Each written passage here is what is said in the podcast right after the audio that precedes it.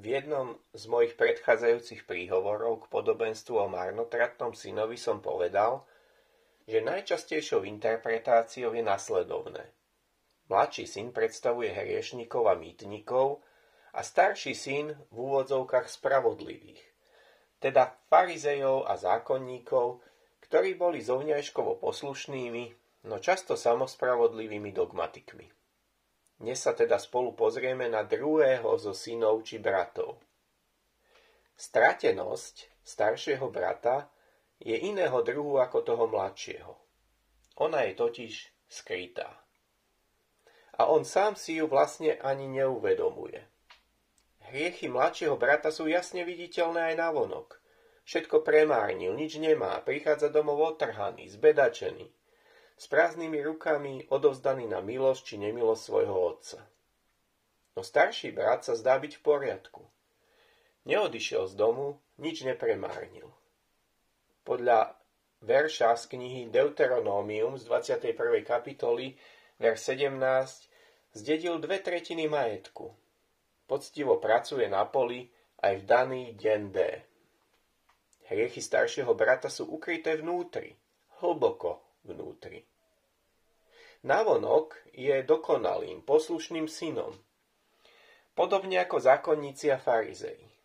No to, čo sa deje v jeho srdci a mysli, je oveľa komplikovanejšie, komplexnejšie a treba povedať aj temnejšie. Život staršieho brata je založený na poslušnosti, dodržiavaní pravidiel a tradícií. Snaží sa robiť všetko správne. Keď však príde na veci vnútra, tak sa jeho dokonalo zrúca a to on nechce vidieť. Najskôr vysonduje, čo sa to doma deje, keďže počuje hudbu a tanec. Hneď ako sa dozvie odpoveď, jeho prvá reakcia a emócia je čo? Hnev a následná zatvrdilosť. Nahneval sa a nechcel vojsť. Hnev vybuchol, lebo bol odrazom vnútorných pochodov, dlhodobo usadených v jeho srdci. Tento tvoj syn sa vrátil ten, ktorý premrhal tvoj majetok s neviestkami. Pričom teda poznámka na okraj, tie neviestky sú možno len domýšľaním staršieho brata. V biblickom texte sa o nich predtým nič nepíše. Zabil si mu vykrmené tela. Tak je mu tomu tvojmu synovi vykrmené tela? Veď to už mu vlastne dáva z toho, čo má byť moje. On si svoj diel prehajdákal. Z reakcie staršieho brata tiež vnímame určitú žiarlivosť, teda hnev, žiarlivosť. Pozri, toľko rokov ti slúžim. Nikdy som neprestúpil tvoj príkaz. A mne si nikdy nedal ani kozliatko, aby som sa zabavil so svojimi priateľmi. No keď prišiel tento tvoj syn, ktorý ti premárnil tvoj majetok s neviestkami, pre neho si zabil vykrmené tela. Typologicky starší synovia žijú často porovnávaním sa. Teda hnev, žiarlivosť, porovnávanie sa. Sú prajní voči iným, len ak sa im nedarí viac, ako by si zaslúžili.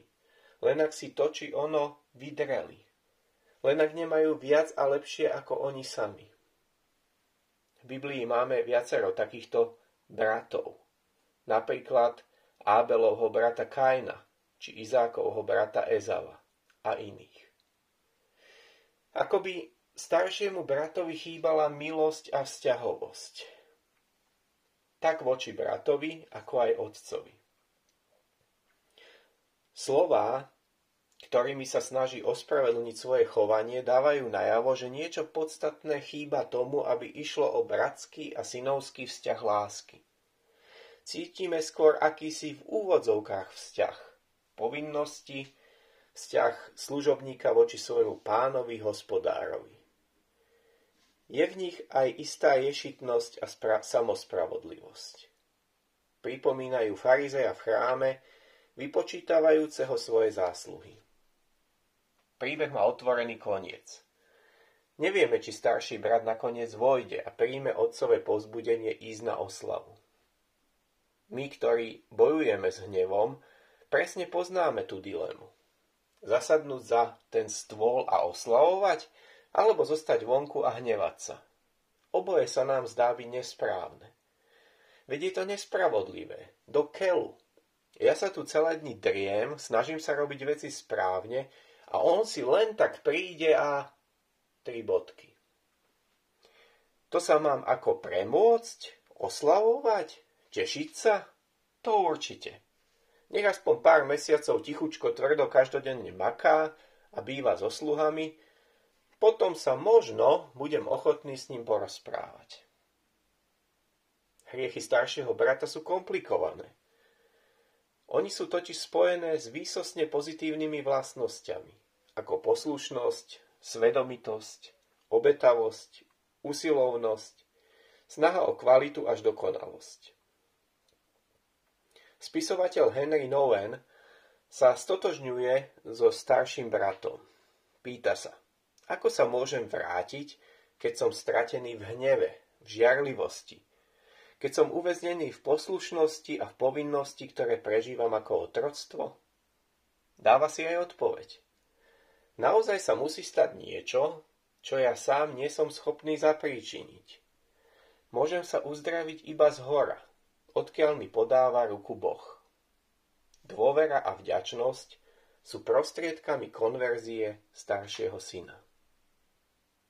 Zároveň Noven dodáva, že tento zápas je kontinuálny. Ten temný hlas sa vynára neustále. Byť vďačným, dôveryplným a milostivým je opakovanou voľbou. No, staršiemu bratovi som dnes dosť v úvodzovkách naložil. Treba však povedať aj to opačné. Neviem, kde by sme ako rodiny, církev, spoločnosť boli, keby sme nemali medzi sebou starších bratov a staršie sestry. Tých disciplinovaných, poctivých, obetavých, poslušných, dennodenne tvrdo makajúcich, kvalitu až dokonalosť prinášajúcich a očakávajúcich? Veď už by sme tu asi neboli ani ako ľudstvo, keby všetci len hýrili a nebolo by tých, ktorí tu prinášajú stabilitu, disciplínu, poctivosť a istú rutinnosť. A tak vďaka Bohu aj za starších synov a céry, bratov a sestry. Príbeh má otvorený koniec. Nevieme, či starší brat nakoniec vojde. Netreba o tom ani veľmi špekulovať. Podstatné však je, že pozvanie na oslavu platí tak pre veľkých hriešnikov typu mladšieho brata, ako aj pre samospravodlivých starších bratov. Podmienkou je ochota reagovať a činiť pokánie. Svadba Baránkova je pripravená pre tých jedných aj druhých. Všetci sme pozvaní, pretože baránok bol obetovaný aj za tie moje, aj za tie tvoje hriechy. Nech už sme typologicky akýkoľvek. Amen.